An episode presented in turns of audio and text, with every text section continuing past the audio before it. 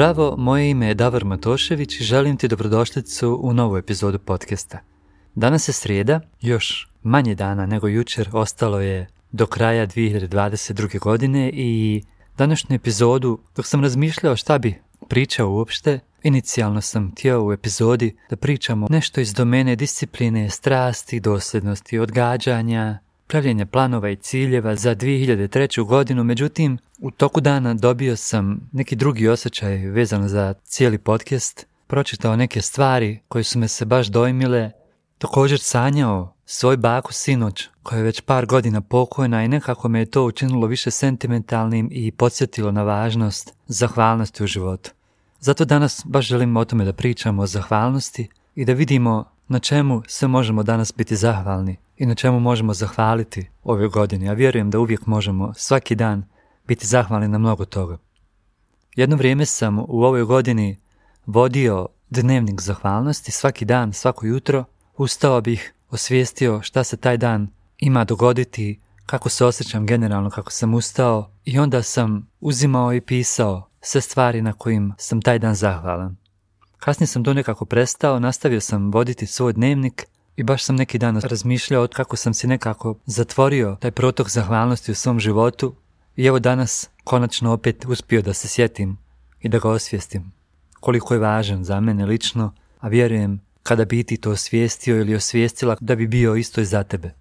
U svakom slučaju, ajde da vidimo na čemu se sve može biti zahvalan. Recimo, ja sam prvo zahvalan da sam u ovoj godini donio za sebe neke jako važne odluke, da sam ostao dosljedan tim odlukama bez obzira šta se oko mene dešavalo i da sad kad pogledam na tu jednu cijelu godinu, na taj jedan cijeli krug koji je zemlja okrenula oko sunca zajedno sa nama, definitivno sam zahvalan sam sebi i tim lekcijama koje sam naučio o sebi u toku 2022. godine. Naučio sam što znači biti ranjiv i naučio sam, evo baš sinoć, da zapravo ranjivost jeste jednako hrabrost, da je između te dvije osobine zapravo znak jednakosti. To me je baš nako udarilo u lice, dobio sam želju da budem još hranjiviji jer će to značiti da ću onda u konačnici biti još hrabriji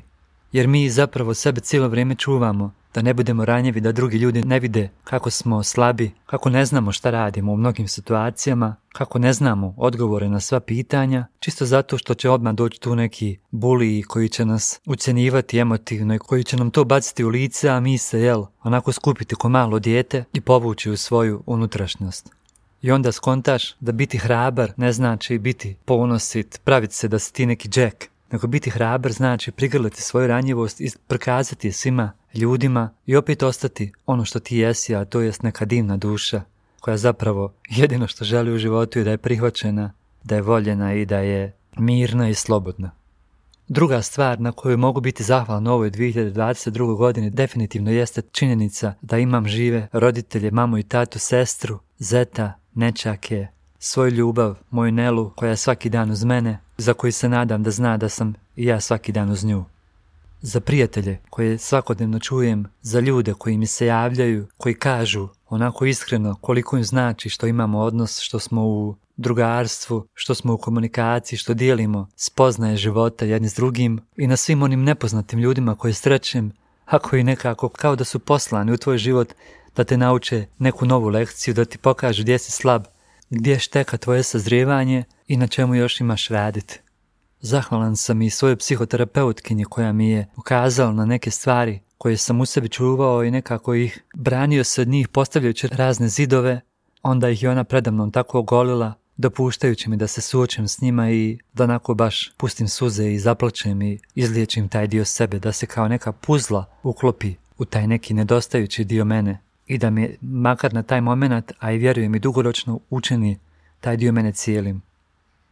Zatim zahvalan sam na činjenici da sam ove godine osvijestio da je taj mračni dio mene koji sam prije mislio da ga trebam skrivati, da trebam da ga ostavljam negdje u prošlosti zapravo integralni dio mene i da ga trebam voljeti i prikazivati što češće jer to je ono što čini našu autentičnost, ne ono što ne samo ono što mi smatramo kao svoje vrline, ono što želimo da drugi vide i da nas pohvale radi toga i da misle o nama sve najljepše, nego i one mračne strane za koje će ljudi reći, eno ga, on je vakav, on je nakav, neću sad govoriti sve te stvari koje ljudi mogu da kažu, ali možete zamisliti. I te mračne strane, kako kažem, su dio mene i one definitivno, to sam tek uvidio ove godine, uljepšavaju moje postojanje i čine me kompletnim. Bez te mračne strane sam jednostavno nepotpuno. Također sam zahvalan na svim ljudima sa koji trenutno radim, od kojih svakodnevno učim dosta o sebi i koliko god da nekad bilo teško, zapravo vidiš koliko možeš rastegnuti te svoje granice i pretvoriti ih u nešto pozitivno, jer mi nekako, ako želimo zaista narasti u svom životu, trebamo naučiti sve stvari koje nam se dešavaju gledati kao lekcije i kao putokaz koji nam pokazuje u kojem pravcu smo krenuli gdje želimo, gdje ne želimo ići i praviti neke ispravke kursa shodno tome. A bez obzira što se ipak dešavaju neke teške stvari, možda samo pogledati u širu perspektivu i to je još jedna od stvari na koje sam zahvalan, jer prije nisam bio u stanju da gledam širu sliku, gledao bi samo se u detalje, u neke sitnice, secirajući neku situaciju ili neki događaj do najmanjih sitnica, zapravo gubeći iz slike sam smisao te situacije koja je bila mnogo veća od tog malog detalja na koji sam ja bacio fokus. Jer što kaže Simon Sinek u jednom svom predavanju, ljudi jednostavno ne mogu da gledaju negativno. Ja sam ono se pitao, bože moj, kako ne mogu da gledaju negativno, stalno gledamo negativno. Onda on to objašnjava. Skijaš ide niz padinu, prolazi kroz grustu borovu šumu i on govori kad bi ja sad fokusirao se na negativno, a to je šuma, to je znači drvo, ja bi udario u svako drvo jer ne bi ništa drugo vidio. To ovako ja se fokusiram na onaj put, to jest na one male dijelove gdje ima snijega jednostavno navigiram kroz tu šumu, uopšte ne primjećujući te prepreke oko sebe. Onda sam shvatio, vidi što je to, to je znači, gledanje šire slike, to je stavljanje fokusa na pozitivno, koliko god ono malo bilo, jer kad baciš fokus na pozitivno, apsolutno nećeš primijetiti te prepreke i navigirat ćeš kroz tu gustu šumu prepreka, naći ćeš put kroz nju i opet ugledat čistu padinu. Stvar je da bacimo fokus ne na prepreku, nego baš na taj mali dio snjegića tog prohodnog puta kroz koji možemo proći i perspektiva će nam se totalno promijeniti. Zatim sljedeća stvar na kojoj sam zahvalan je činjenica koliko god to sad banalno zvučalo, koliko god više to ne primjećivali jer je stalno tu činjenica da živim u stanu gdje imam struju, gdje imam svjetlo, gdje mi je toplo jer imam centralno grijanje i ne moram non stop da kao prije idem u podrum pa vučem ugalj i drva pa ložim pa tako svaki dan po hiljadu puta gore dole gore dole. Čast na hladno, čast na toplo. Kad realno sagledaš, sada imamo mnogo više vremena da se fokusiramo na ono što mi zaista stvarno želimo i nekako čovjek to jako malo koristi jer toliko se navikao na tu ugodu, ali nevažno o tome možemo pričati u nekoj drugoj epizodi podcasta, sad želim da kažem da sam zahvalan na toj toploti, zahvalan sam na činjenici da mogu otvoriti česmu, curi voda, hej, halo. Znači samo prije 100 godina to skoro da nije bilo moguće, da ne kažem, čak u Tuzli gdje ja trenutno živim nije bilo moguće ni prije 30 godina. Imali smo redukcije vode, znači nije moglo non stop voda teći iz česme, a kamoli prije 100 godina. I vidi danas direktno iz neke tamo rijeke ja imam vodu, samo stavim čašu, voda došla, operem beš, operem suđe, napijem se, kuham ručak, operem ruke, znači nevjerovatne stvari, stvarno nevjerovatne. Toliko čuda kojima smo okruženi samo kad bi malo stali i, pogledali. Zatim zahvalan sam na poslu koji radim, koji me naučio toliko toga, o ljudima i o meni. Zahvalan sam na obući koju svaki dan imam da obučem, na krevetu na kojem spavam i najudobnije sanjam, najluđe, nekad najluđe, a nekad najljepše snove se zavisi. Ili nekad kao sinoć sanjam svoju baku koja me onda podsjeti na zahvalnost u svom životu za sve ljude koji su tu oko mene.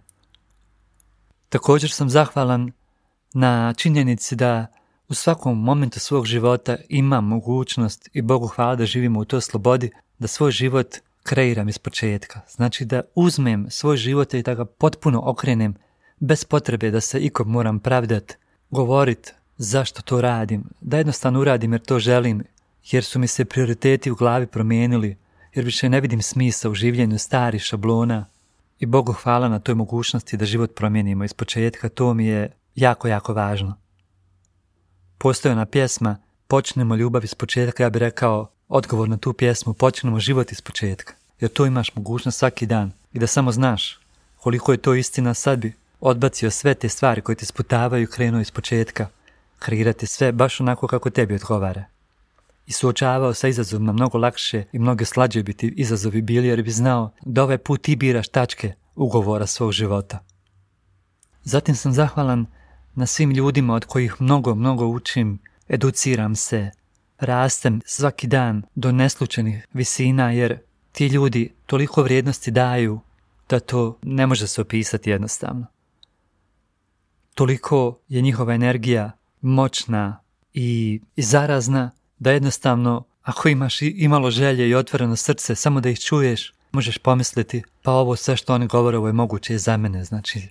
ne dešava se nešto lijepo, nešto veličanstveno samo nekim tamo ljudima koji su sretni i rođeni su pod sretnim okolnostima, nego ovo je realno ostvarivo i moguće i za mene. Jednostavno ti se um proširi i shvatiš neke stvari koje su ti još do jučer izgledale nemoguće. Svatiš da je nemoguće još nemoguće samo zato što mu nisi uklonio ovaj prefiks ne. I to je sve tako jednostavno.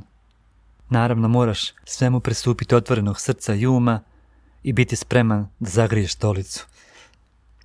Što bi rekla ova proroča Čezira u jednom epizoda nadrealista ovih malo modernijih posteratnih koji sam gledao kaže